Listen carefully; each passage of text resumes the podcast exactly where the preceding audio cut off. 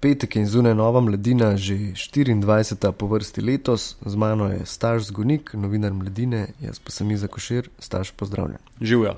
Jedrska dilema je na naslovnici tokratne mladine. Jedrska energija je ponovno v spredju, če lahko malce se ozreva na pop kulturo zaradi miniserije Černobil, ampak to ni bila tema tvojega članka. Povej, zakaj si sploh uh, spisal ta članek? Ja, jedrska energija se tako ali tako ponavadi na, v zavesti ljudi znajde samo takrat, ko gre kaj narobe. Ne. To je bilo pri Černobilu, tako pri Fukushimi in zdaj pri spominu na Černobil, ki ga podoživljamo z to serijo, ki jo je predvajal HBO. Gre pa predvsem za to, da je zaradi te stigme nevarnosti ki se je oprijela jedrske energije, je sploh ne upoštevamo kot realnega igralca, kot realno možnost za dodatno razogličenje proizvodnje električne energije. Ne? Ker jedrska energija, kakorkoli ima slabosti v smislu. Tveganja za večje nesreče v smislu ravnanja z radioaktivnimi odpadki ima eno zelo veliko prednost. To pa je, da je v, pri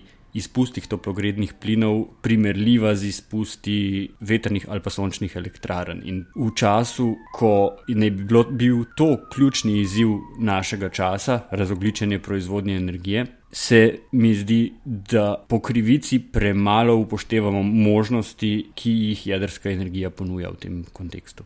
Zakaj pa je v javnosti toliko strahov glede tega, se pravi, predvsem glede nesreč? Kdo misliš, da je tu kriv, oziroma kakšne so tiste stvari, ki bi nas eh, naj pomirile glede tega? Strah, predvsem izhaja iz tega, da dejansko res zelo grozno zgleda vse skupaj. Sploh zdaj, če gledate prvi in drugi del Črnobila, je, bi res redko kdo pristal na to, da mu zgradijo jedrsko elektrarno v bližnji okolici. Ampak, ko pa stopiš korak nazaj, pa pogledaš, koliko je teh nesreč bilo v primerjavi s tem, koliko ur, koliko let eh, in koliko jedrskih elektrarn obratuje po svetu, ugotoviš, da je vseh teh nesreč zelo malo in da ne glede na vso katastrofičnost, še vedno niso povzročile toliko gorja, kot ga je povzročila kakšna druga tehnologija za proizvodnjo elektrike. Če samo začnemo ne, s premogom, ki povzroča hudo onesnaženje zraka, zaradi katerega umirajo sto tisoči na leto. Ampak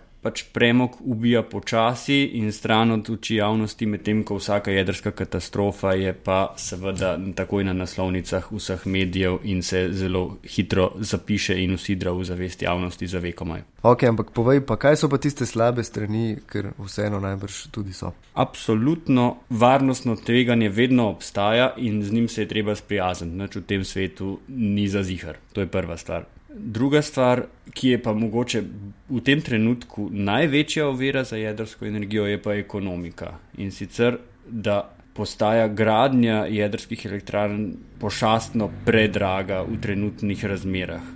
Obnovljivi veri, ki so v velikem razmahu, nižajo ceno električne energije in ostali proizvodni veri enostavno ne morejo biti več konkurenčni brez neke državne podpore. Poleg tega se vsi novi projekti v Evropi soočajo z blaznimi zamudami pri gradni, z blaznimi, blazno napihnjenimi stroški v primerjavi s prvotnimi ocenami.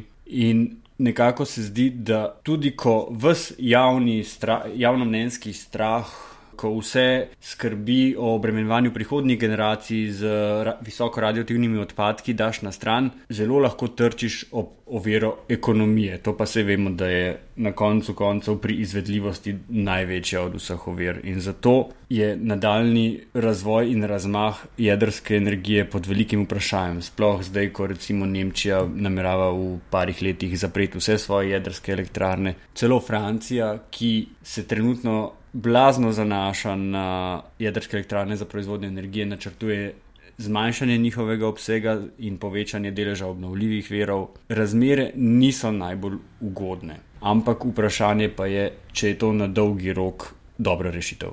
No, to je realnost. O miniseriji Černobil pa se je obsežno razpisal Marcel Štefančič, junior. Staš, povej, kaj si lahko še preberemo v novi številki mladine. En članek, ki ga mora vsak prebrati, vsekakor uh, nekrolog za Maxa Modica, slavamu. Drugače pa se je Borut Mekina pogovarjal z nekdanjim predsednikom uprave A banke Aljošo Tomažem, teme so bile seveda privatizacija in tako naprej.